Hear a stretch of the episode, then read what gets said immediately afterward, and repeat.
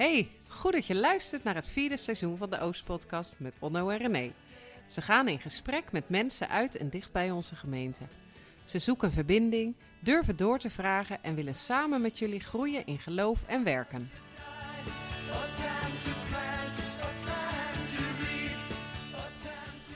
Welkom bij de Oostpodcast, aflevering 3 van seizoen 4. Vandaag is het thema alcohol. We praten hierover door met Nelly van der Gaarden. En René, waar gaan we het nog meer over hebben? Een eenheid is minder dan je denkt. Asfalt weg in je hoofd. Avondmaal met wijn? Hmm. Groen, geel, rood. Drink je niet meer, joh? En rechtsomkeert bij de gluwijn. Kortom, Genoeg reden om... een non-alcoholisch drankje in te Ik wou, schenken. ik wou net zeggen, ik ben benieuwd wat je gaat zeggen. nee, geen alcoholisch Heel drankje. goed, lekker op de bank te gaan zitten. En te genieten van deze podcast. Veel luisterplezier. Het viel René en mij op dat binnen onze kerk het drinken van bier, wijn en andere alcoholische dranken als iets normaals wordt gezien. Ook in ons eigen leven. Misschien zelfs als iets heiligs. Enerzijds wordt in de Bijbel positief over wijn gesproken. Jezus verrichtte er zelfs zijn eerste wonder mee. Anderzijds wordt alcohol in verband gebracht met loslippigheid, losbandigheid en zelfs gewelddadigheid. En we weten tegenwoordig ook steeds meer over de negatieve gezondheidseffecten van alcohol. Hoe zou onze houding kunnen zijn ten opzichte van alcohol, geheel onthoudens en alcohol in de kerk? Herkennen we zorgwekkend alcoholgebruik? Durven we onszelf in de spiegel aan te kijken en of de ander te ondersteunen, aan te spreken? Of is dit toch echt iets voor jezelf, je eigen keuze? Deze vragen hebben ons gebracht naar dit thema. We gaan over dit thema praten met Nelly van der Gaarden, in het dagelijks leven verslavingsarts en kaderhuisarts GGZ, mijn collega en gemeentelid van de Pauluskerkgemeente. Ja, leuk.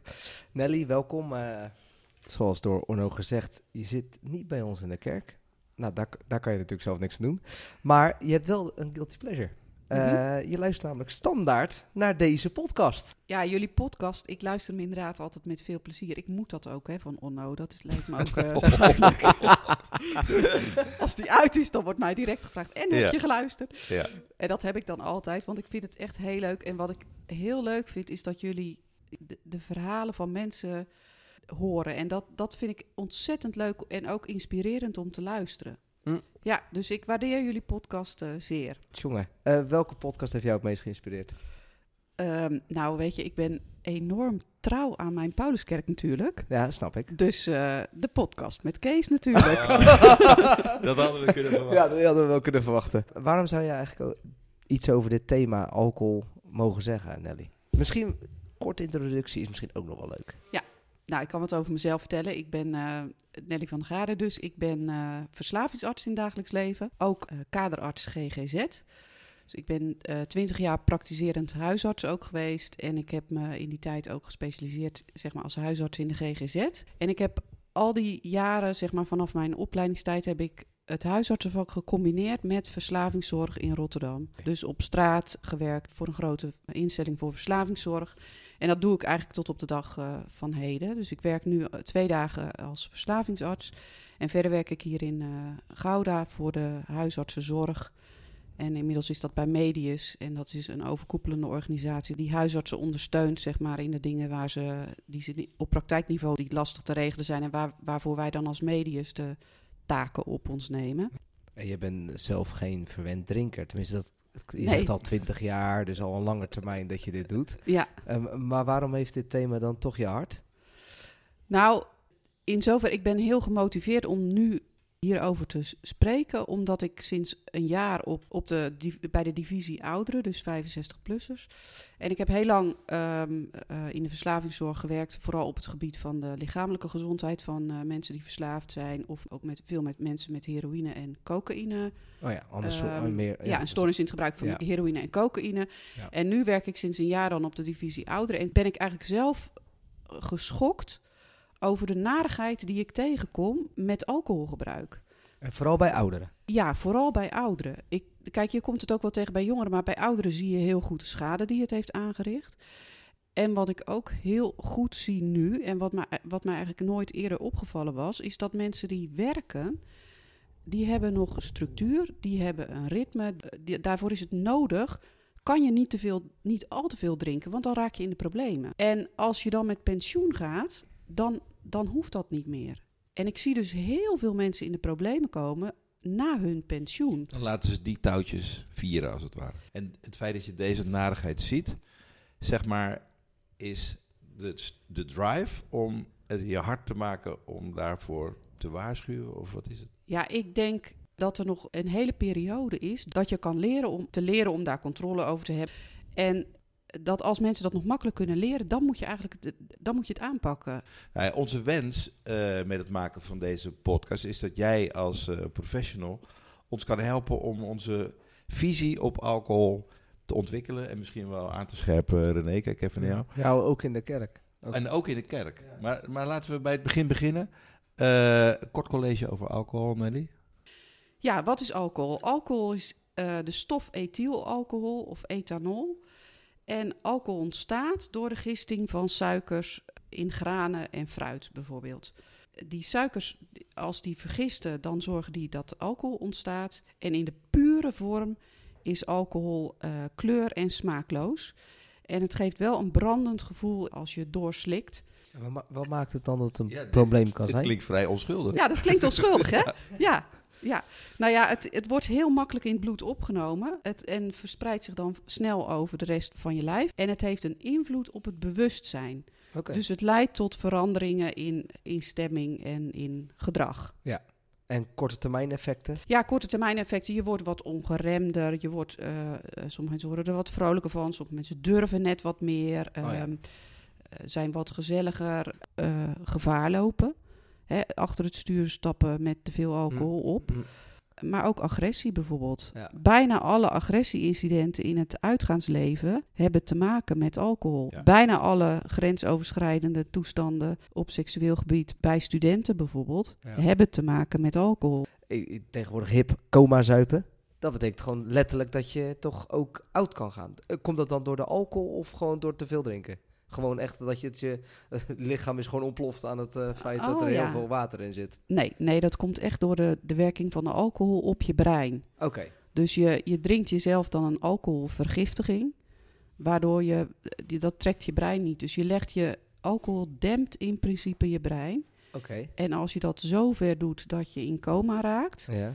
dat is ehm, ja, gevaarlijk. Is En dat- ook echt schadelijk. Ja, Ja. oké. Ja, een kinderarts, eh, de Lely, die onderzoekt alcoholgebruik bij jongeren. En ook als ze, als ze eh, één keer coma zuipen, kost je gewoon punten IQ. Oh, echt? Ja, Punten. punten. D- Dat is de reden waarom die campagnes niks onder de 18 Ja. is. Precies. En wat, wat het grootste probleem daarvan is, is dat voor in je brein zit je prefrontale cortex. En dat is het deel van je brein waar je controlesysteem zit. Ja. Dat ontwikkelt zich tot een jaar of 24. Dus je kan je voorstellen, hoe jonger jij gaat drinken, hoe minder goed dat brein uit kan rijpen. En hoe slechter dat controlesysteem tot ontwikkeling komt. En een slecht ontwikkeld controlesysteem is weer heel voorspellend, of is weer voorspellend voor verslaving. toekomstige Ja. verslaving. Ja, exact. Dat is een van de risicofactoren voor eh, verslaving, is jong gaan gebruiken. Oké. Lange termijn effecten, wat vooral bekend is, is natuurlijk de leverschade, maar ook de schade voor het geheugen. Dat zie ik nu natuurlijk bij de divisie ouderen. Ja. Dus echt schade op het brein. En dat is vergeetachtigheid. Ja, Korsakoff is daarvan de, het eindstadium, zeg maar. Dus dat is best naar. Ja, we nog wel even hebben over getallen. Wanneer is, is alcoholgebruik nou eh, riskant of overmatig? Is er ook zoiets als eh, gezond alcoholgebruik eigenlijk? ik, ik weet niet of jij dat eh, weet, maar vroeger werden we wel eens gezegd... nou, eh, een glaasje wijn voor, Ja, eh, ja, dat is ja, goed voor de ja, bloed, goed hart, voor en bloed. hart- en bloedvaten. Ja. Eh, besta- bestaat er zoiets, eh, Nelly? Of- Nee, nou eigenlijk niet. Het, het advies van de Gezondheidsraad is: drink geen alcohol, of in ieder geval niet meer dan één glas per dag. Dat is het advies van de Gezondheidsraad. Oké. Oké. Ja. En dat komt vanaf één glas per dag heeft een vrouw bijvoorbeeld al meer kans op borstkanker. Meer drinken geeft kans op 200 soorten kanker. Nee, het is onder geen beding ook gewoon gezond eigenlijk. Nee. Oké, nou, dan moeten we daarmee afsluiten. Eh, hoe ziet ongezond alcoholgebruik eruit? Ja, eigenlijk dus altijd. Eh, Maar eigenlijk, eh, nou, laten we het even wat Ja. groter trekken dan. Ja, ja. Even boven die één of boven die twee alcoholische dranken per dag. Of... Ja, nou het is wel aardig om even op een rijtje te zetten van wanneer spreek je nou van riskant alcoholgebruiken. Dat betekent dat je problemen krijgt door je drinkgedrag. Dus bijvoorbeeld dat je aan rollen die je hebt in het dagelijks leven niet toekomt. Oh ja, Je, je komt in, in de problemen door je alcoholgebruik. oké. Daar hoort ook bij je, dat je elke keer spijt hebt dat je toch gedronken hebt. Dus dat heeft natuurlijk met die controle te maken. Van heb ik, heb ik er controle over of, of heb ik dat niet? Maar riskant drinken is ook met eh, drie biertjes achter het stuur gaan zitten. Zeker. Ja. Dat denk ik zeker. Ja. Dat is, Terwijl je het idee hebt dat je nog controle hebt. Ja, ja, maar dat is ook het linken eraan dat ehm, je brein past zich aan aan je alcoholgebruik. Dus als jij gewend bent om drie, vier, vijf eenheden alcohol per dag te drinken, dan is jouw brein eraan gewend om gedempt te zijn. Hm.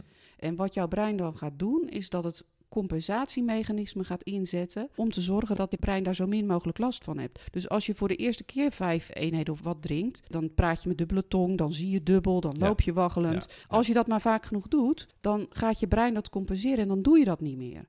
Dus dan zie je niet meer dubbel, dan loop je niet meer waggelend, dan praat je niet meer met dubbele tong. En dan heb je ook het gevoel van ik heb er wel, Controle ik heb er wel over. controle over, ik kan wel in die auto stappen. Ja.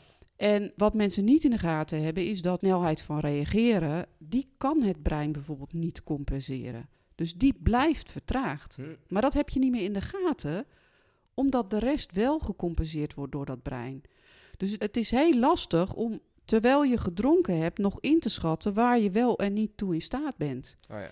Kijk, ik had gisteren op mijn werk sprak ik een meneer die dronk eh, anderhalve fles wijn per dag. Zo dan. Ik vraag dan altijd ook van, stapt u daar wel eens mee, mee in de auto? Stuur, ja. En toen zei hij, nee, dat doe ik nooit, maar ik zou het wel kunnen. Oh ja, precies, ja. Maar, het- maar stel nou dat je dat nu helemaal niet doet. Dus één, je, je hebt niet het idee dat je, het aan het dat je iets aan het verdrinken bent. Nee. Eh, twee, je, je hebt niet dat je, je, dat je jezelf afmeldt voor zaken. Je bent gewoon altijd aanwezig.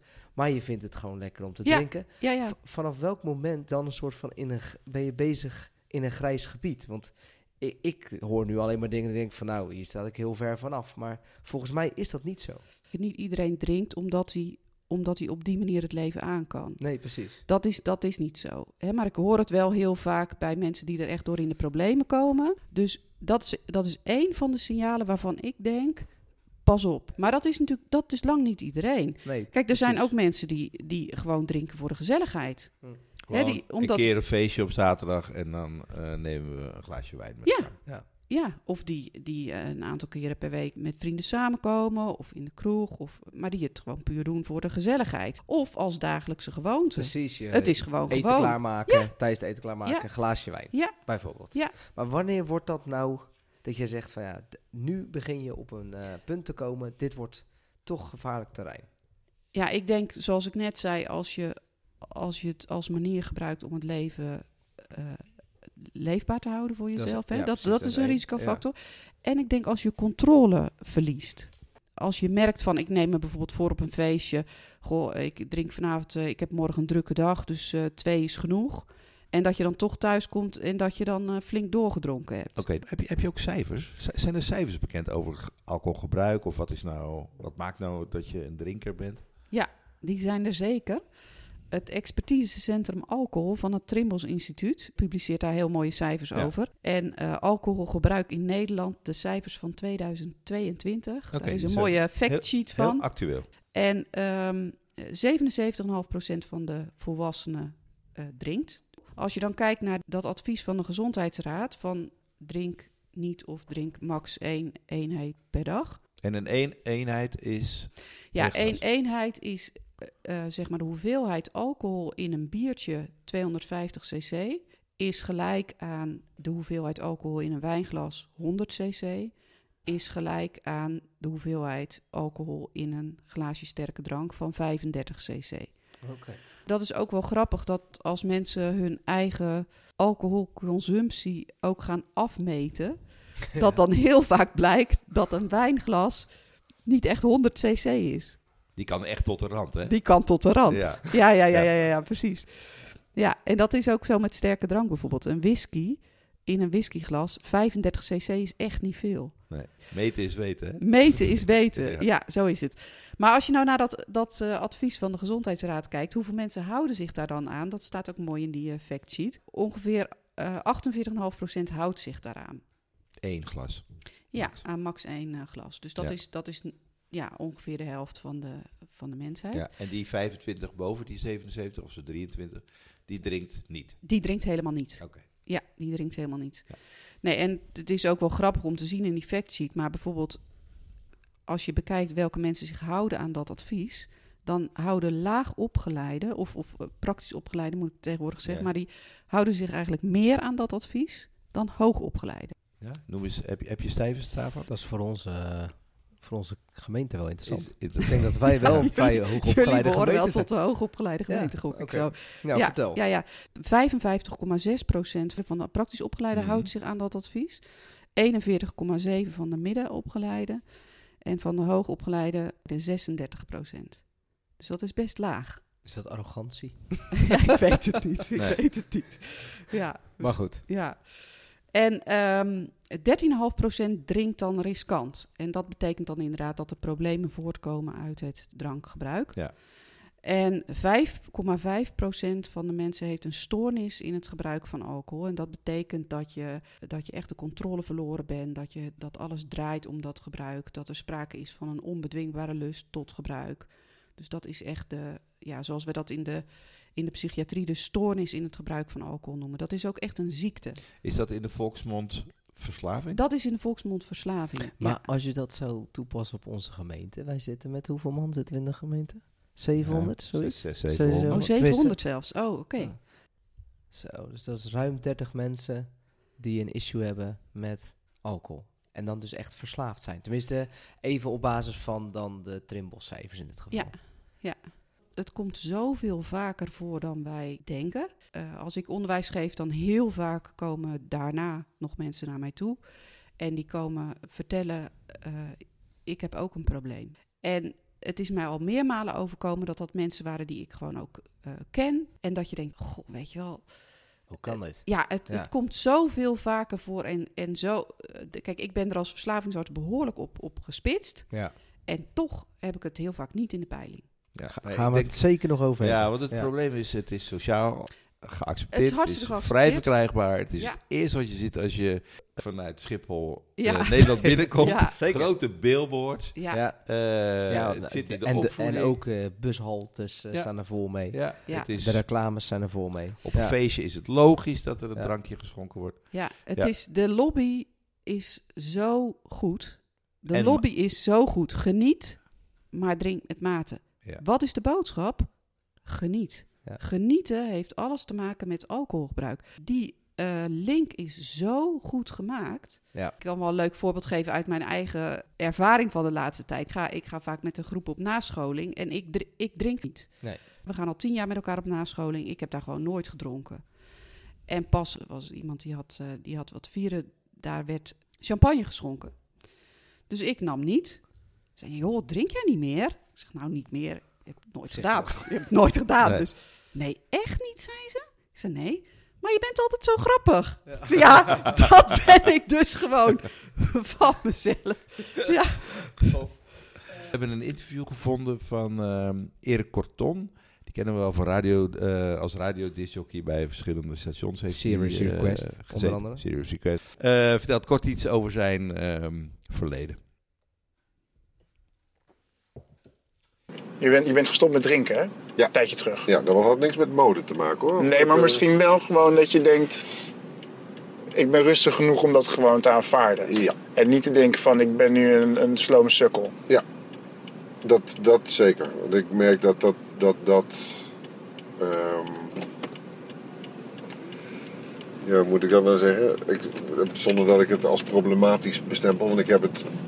Ik bedoel, ik was geen problematische drinker dat ik gewoon altijd lam en, eh en eh, laveloos was. Maar ik Maar je kon misschien geen maat houden. Nee. Nee. En, ik, en ik had een, een standaard innamepatroon Ja. dat gewoon veel te hoog lag. Ja, Eh, en daar wilde ik eigenlijk al heel lang vanaf. ja, en dat, dat ging dan niet, mede omdat ik nog dacht van ja, maar dan word ik een saaie lul Ja. of weet ik dat gevoel. ja. heb, heb jij ook bepaalde vriendschappen anders moeten inrichten? Om zeg maar. Zeker. Sterker nog, sommige mensen verdwijnen daardoor langzaam uit, Bizar, je, uit je leven. Ja, En dan, dan weet je dat- gewoon, oh, dit, heeft dus, dit was dus wat ons heeft. Gebo- dat, op dat moment, de, de, de, wat ons bond op Ja. dat moment. En als dat losgaat, maar dat, is dus de, dat heeft te maken met wat je net zei, de rust om dat te aanvaarden. Ja. Dat je denkt, ja, maar zo ging dat. En ik vind dat ook niet, ik vind dat ook niet erg. Nee. En dat wil ook niet zeggen dat wat, je, wat er op dat moment wel was, dat dat stom was. Want dat was Nee. niet stom, dat was hartstikke leuk. Ja. Maar ik weet dat, dat, dat veel van die gasten dat nog steeds doen.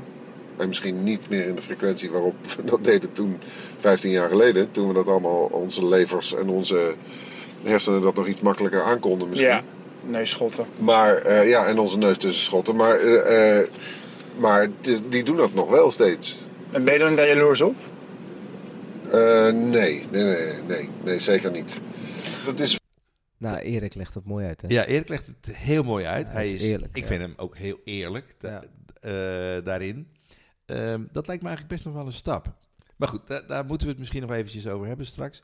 Laten we eerst onszelf ook eens even langs die alcoholmeetlat eh, leggen. Heb je hem bij je, de meetlat? eh, De meetlat. Ja. De meetlat. Nelly? Ja, ja, het is jammer dat ik, eh, dat ik geen PowerPoint kan laten zien. Maar Wat zou er voor plaatje op staan dan? op die nou, wat je zou zien is, ik heb een mooi plaatje waaraan ik dit altijd uitleg, maar dat is een groen, een geel-oranje en een rood stuk. Het groene stuk is daar waar je iets gebruikt en waar je er alleen maar plezier van hebt. Dan krijgen we de vol- het volgende stuk is geel of oranje. Dat is het stuk waarin je eh, ziet dat er meer stof nodig is voor hetzelfde effect. En wat je dan ziet is als, als, als we in het rode gebied komen, dat, eh, dat noem ik het gebied van de afgestudeerde verslaafde, zeg maar. Dat is het gebied waarop je je de controle kwijt bent. Dus waarop craving, de onbedwingbare lust tot gebruik, eh hoogtij viert. Ja. Dus waarin je niet meer gevoelig bent voor eh, overwegingen in dat prefrontale cortex gedeelte. Hm. Dus in je brein, dat je mensen daar ook niet meer op aan kunt spreken. Hm. Dus er eh, gedurende die drie fases eh, vinden er gewoon veranderingen in je brein plaats. Die ervoor zorgen dat we zeggen in dat rode gebied is, is het ook echt ziekte. Dan zitten er Hm. veranderingen in je brein die ervoor zorgen dat je niet zomaar meer kan stoppen. Maar is, is controle dan het belangrijkste woord in het rode gebied? Ja, controleverlies is een Ja. heel belangrijk woord. Ja. Ja, en craving, dus de onbedwingbare, lust tot lust. gebruik. Ja. Dat zijn de kernwoorden van dat rode gebied. ja.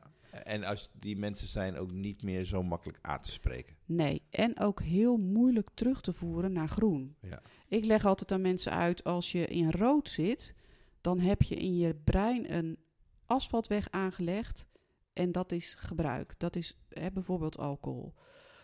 Je kan dat brein dat niet meer afleren. Die snelweg die ligt daar. Dus één eenheid alcohol is all the way. Dus je kan niet zeggen, ik neem er één en daarna stop ik. Eén is alles. Eén is alles.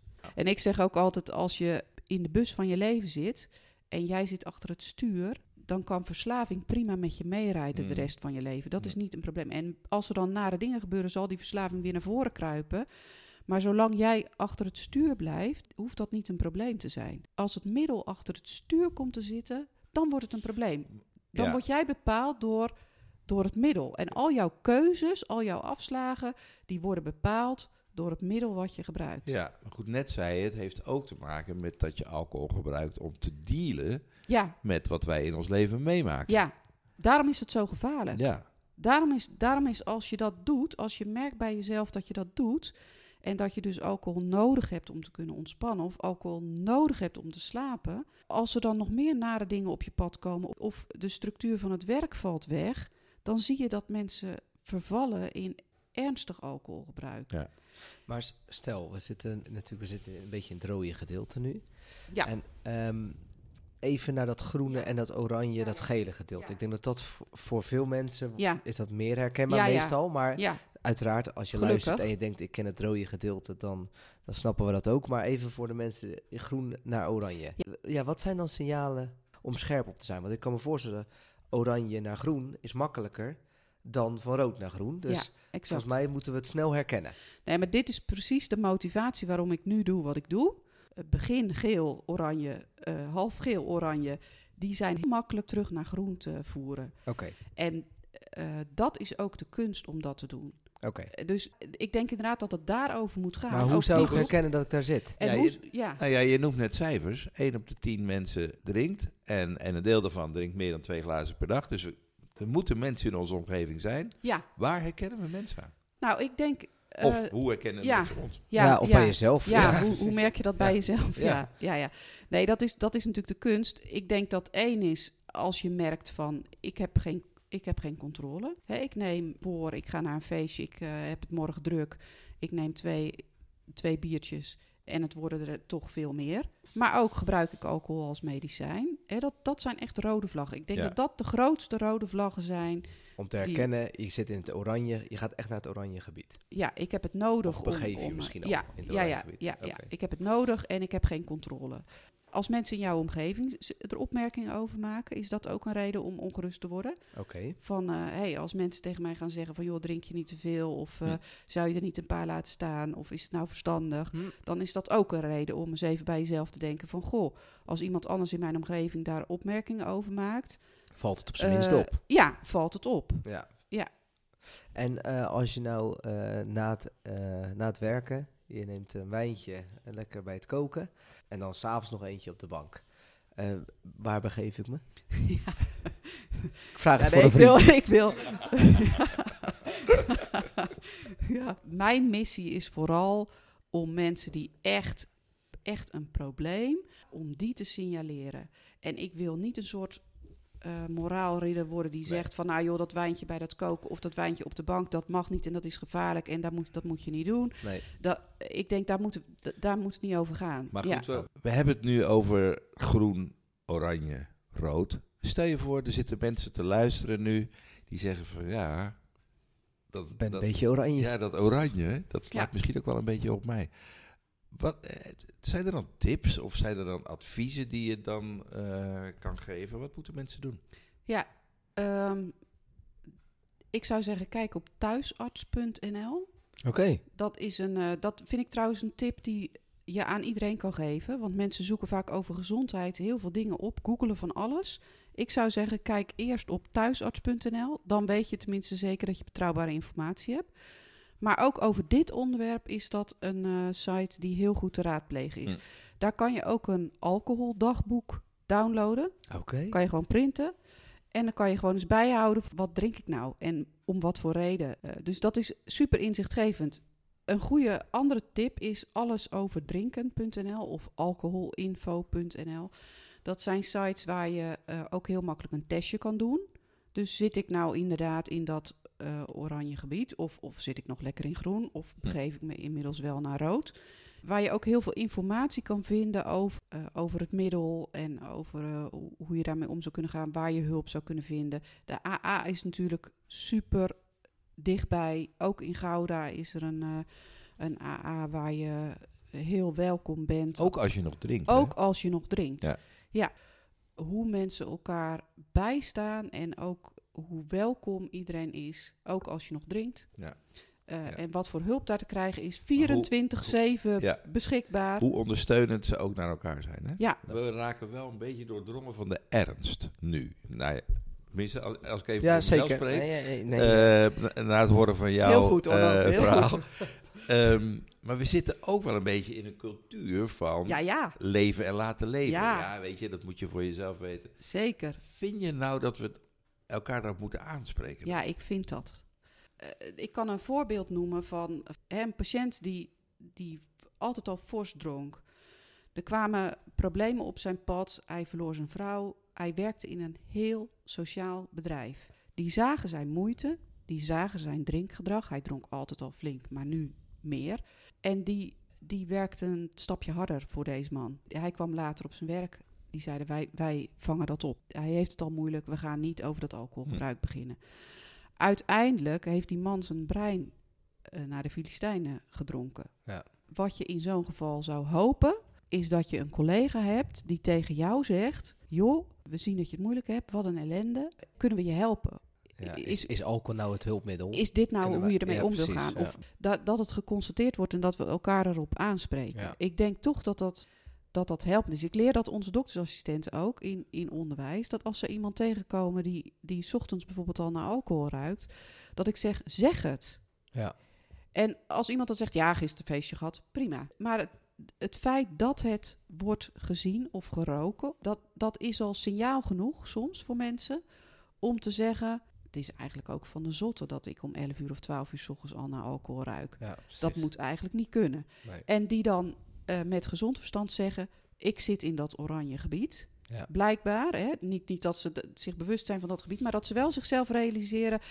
ehm, ik zit in een gebied wat, wat, eh, waar ik controle verlies of waar ik te vroeg begin met drinken en ik, ik moet terug. En die dat dan ook heel goed kunnen. Ja, precies. Ja, want die succesverhalen zijn er ook, hè? Die succesverhalen Ja, zijn er zeker. Ja, dus, dus een collega of iemand die je kent aanspreken is misschien ook wel om eh, iets om diegene te helpen over het drempeltje van de schaamte Ja. heen te stappen. Ja, Dat jij je hand uitsteekt, kan iemand misschien wel heel erg helpend. eh, Maar is het, eh, is het, het is ook wel een soort stille killer, dit. Ja, ik, ik kan me ook voorstellen dat het wel in de duisternis ook gebeurt. ja.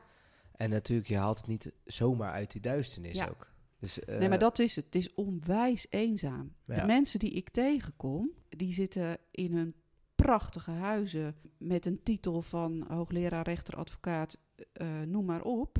Ja.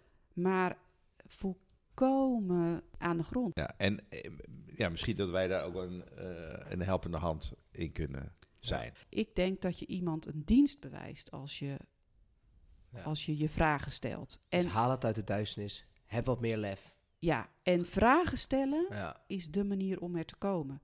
Dus niet conclusies, niet oordeel, niet, eh, maar gewoon vragen. Ja, Ja, dus ah. niet zeg maar alleen maar veroordelen, je neus ophalen Nee, en ik, nee, oh nee, nee. daar komt hij weer. Nee, Of eh, eh, zeg maar er van alles van vinden, maar begripvol.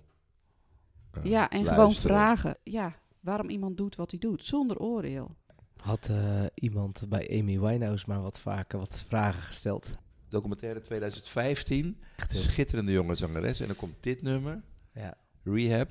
Ja, het is een schitterend Ja. eh, nummer, maar sowieso ook eentje eh, als je het hebt over ja, wat kan alcohol met je leven doen. Ja. Terwijl nog jong, hè, 27 jaar Ja. overleden. Dan eh, is Amy Winehouse, Winehouse, dat is dan ook wel een naam dan, hè? Is wel een goed voorbeeld, ja. They tried to make me go to rehab. I said no, no,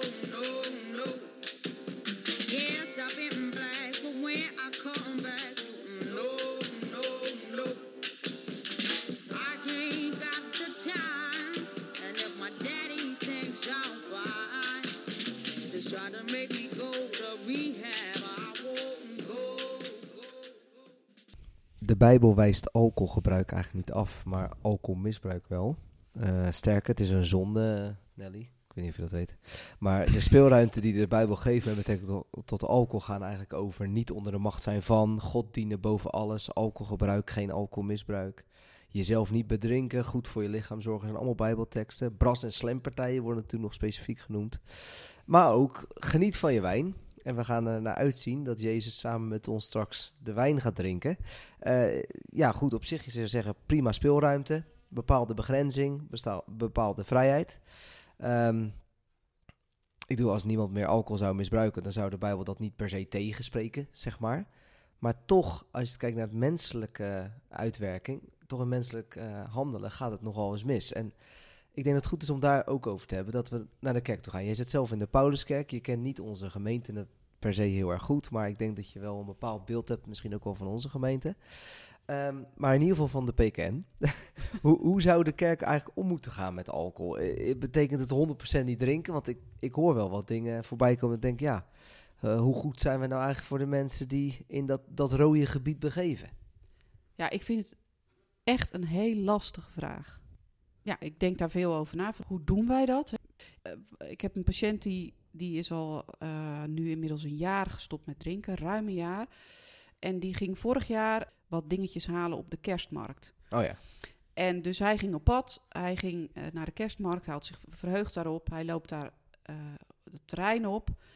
De kerk ook. Eh, Kerk, kerk ja, kerstmarkt of zo. Ja, ja, ja. En ehm, het eerste wat hij aangeboden kreeg is... Laat maar raden. Ja, Gluwijn. ja, ja, glühwein. Hij zei tegen mij, ja, eh, Nee. ik, ben, ik ben slap geweest. ik heb me omgedraaid en ik ben naar huis gegaan. Nou, Hij voelde zich slap. daar verschrikkelijk. Ik zei, nou weet je, ik, ik denk dat het andersom is. Ik Ja. denk dat jij hartstikke sterk bent geweest.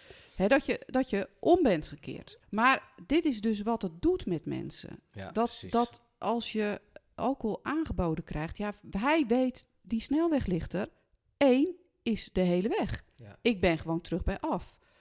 Dat, dat ik denk, waarom zijn, waarom zijn we als kerk niet alcoholvrij?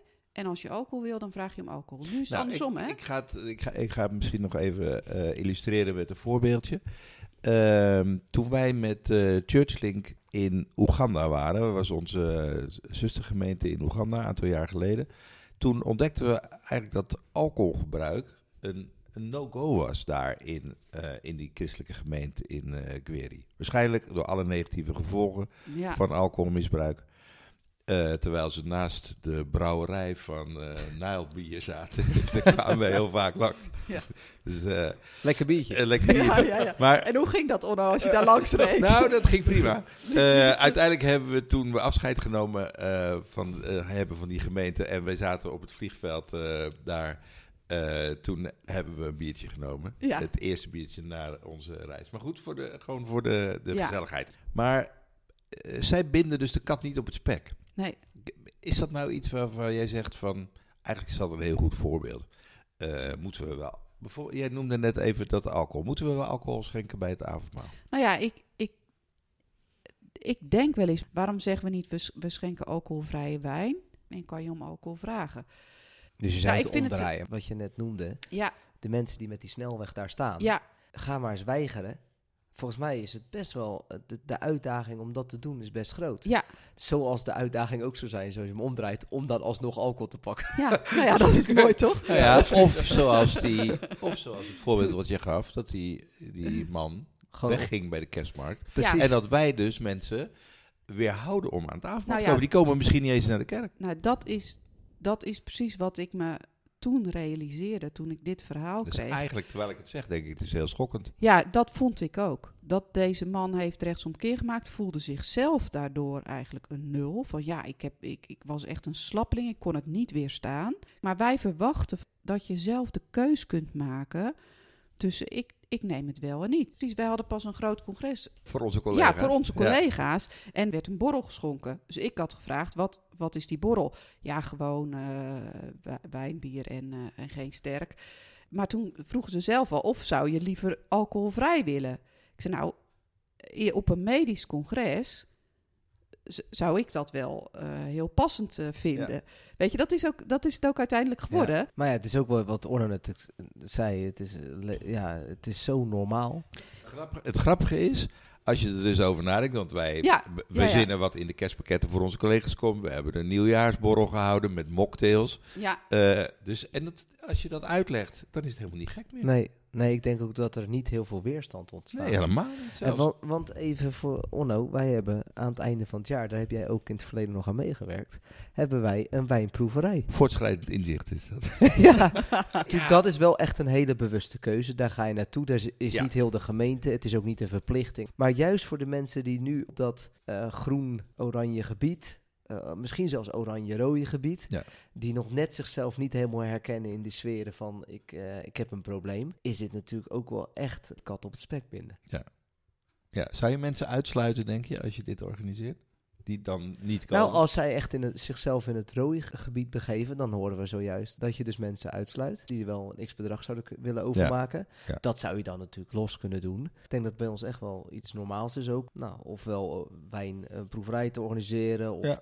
bij de nou, eh, bijbelkringen, dat er nog eens een keer een wijntje achteraf wordt gedronken. Dus het is best wel eh, oké om dat te doen. Maar dat we misschien toch wel onszelf ook wel een beetje in een grijs gebied begeven. maar, maar zit je nou te pleiten om een soort leger des heils te worden? Wat je, nou, wat je zegt, het grappige is, als je aangesloten bent bij het leger, eh, dan, eh, dan drink je geen alcohol. Nee. Maar niet alleen niet in de kerk, maar ook thuis niet. En dat het ook wel echt iets is wat gevraagd wordt vanuit de gemeente.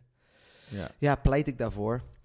Ik weet niet of, niet of ik ervoor pleit, maar eh, het feit dat je mogelijk, laat ik dus niet het feit, maar de kans dat je mensen uitsluit, zeker met betrekking tot het avondmaal, ik vind die wel heel zwaar wegen. Kijk, die wijnproeverij, daar zie ik nog echt wel keuzemogelijkheid. Ja. Maar het avondmaal, iets wat we met elkaar als christenen mogen vieren, waar echt de schoonheid van Jezus ook in zichtbaar is, dan vind ik het wel heel heftig om te horen dat misschien iemand niet daar naartoe gaat en zichzelf afkeert daarvan. Ja. Ja, daar moeten we misschien wel mee als het hebt over visie ontwikkelen. Ja, ja, nou ja, we, we- laat dit een, eh, een manier zijn om er eens met elkaar hardop over na te denken. Ja, want ehm, nog naar jou terug, Nelly. Eh, Is, is onze gemeente, als jij er naar kijkt, vanuit jouw professie, een plek voor mensen die worstelen met alcohol? Ik vind dat een hele confronterende vraag om daarover na te denken. Want, Wat je wil is dat de kerk de plek is waar iedereen welkom is. Ja. ja, waar misschien ook wel rekening met jou gehouden wordt. Of waar juist de plek is waar je open kunt zijn ja, over... waar die eenzaamheid wordt doorbroken, waar Ja. die duisternis weggaat. Ja, en nu zaken, zie je ja. dat dat bij clubs als de Anonieme Alcoholisten of de Narcotics Anonymous, die jou helpt en steunt om eh, zonder dat middel te blijven. Ja. Ja, maar ja, want Gods geest wordt natuurlijk ook de helper genoemd. Ja, het zou ook heel Ja. mooi zijn juist om daar ook naar uit te strekken. Dan. Ja, en ik denk dat we ook reëel moeten zijn. Dat, we hebben allemaal dingen waar, waarvoor we strijd voeren, waarvoor we God nodig hebben, waarvoor we elkaar nodig hebben, waarin we elkaar eh, niet veroordelen, waarin we liefdevol zijn naar elkaar. En juist de plek waar christenen samenkomen, dat dat een plek is waar, waar je welkom bent, ondanks wat je doet. Maar wat zou dan een stapje zijn als kerk om bij te dragen aan dat, het verminderen van dat stigma? Ik denk het benoemen dat er, dat er mensen zijn die worstelen met dit soort problematiek. Hm. Dat daarover gesproken kan worden. Kijk, als je zou zeggen, wij schenken als kerk alleen maar alcoholvrij. eh, Om deze reden, omdat we weten dat er heel veel mensen mee worstelen. Dan maak je het al, al soort bespreekbaar, hè? Ja. Ja. En je kan wel zeggen eigen schuld, dikke bult, maar dat, zo werkt het niet. Dat, dat, dat gaat niet altijd op. Als jij een prachtige prefrontale cortex hebt met een prachtig controlesysteem, dan heb jij veel meer controle dan iemand die dat niet heeft. En er zit, er zit natuurlijk ook in het beloningssysteem van het brein een heel stuk. Dat is ook aangeboren. Ben jij iemand met een heel gevoelig beloningssysteem of ben je dat niet?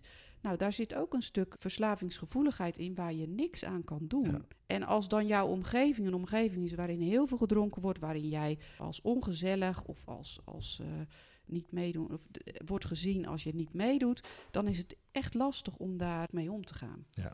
Dus wat voor de ene strijd is, is het voor de andere helemaal niet. Maar ehm, ja, in hoeverre gaan we daarin rekening met elkaar houden? In hoeverre gaan we dan als hele kerk rekening daarmee houden? Ik weet het niet. Ik Nee. vind het goede vragen. Maar goed, in ieder geval een stapje zou kunnen zijn benoemen.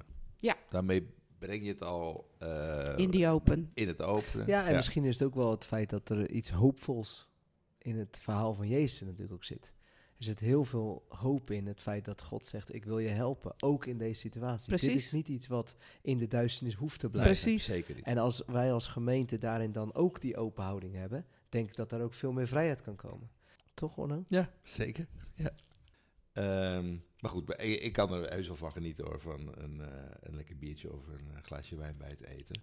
maar zo'n gesprek als dit, ja, dat, daar, dat stemt ook wel tot nadenken. Zo is het. Ja. Ja.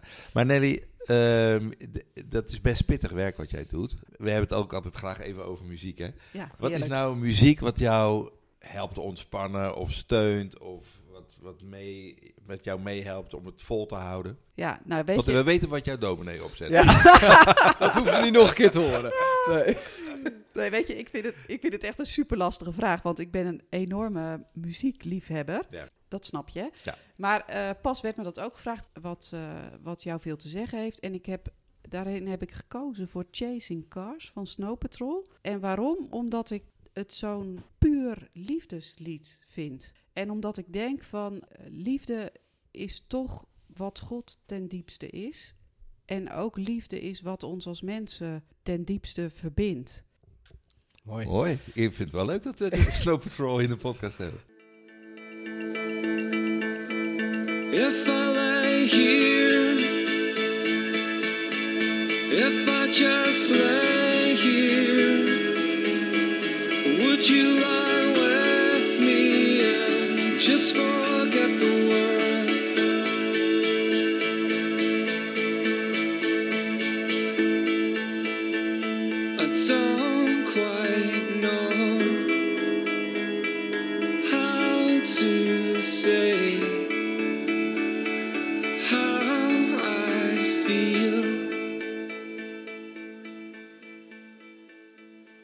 Bedankt voor je tijd, voor je aanwezigheid. En eh, op naar een volgende, Onno.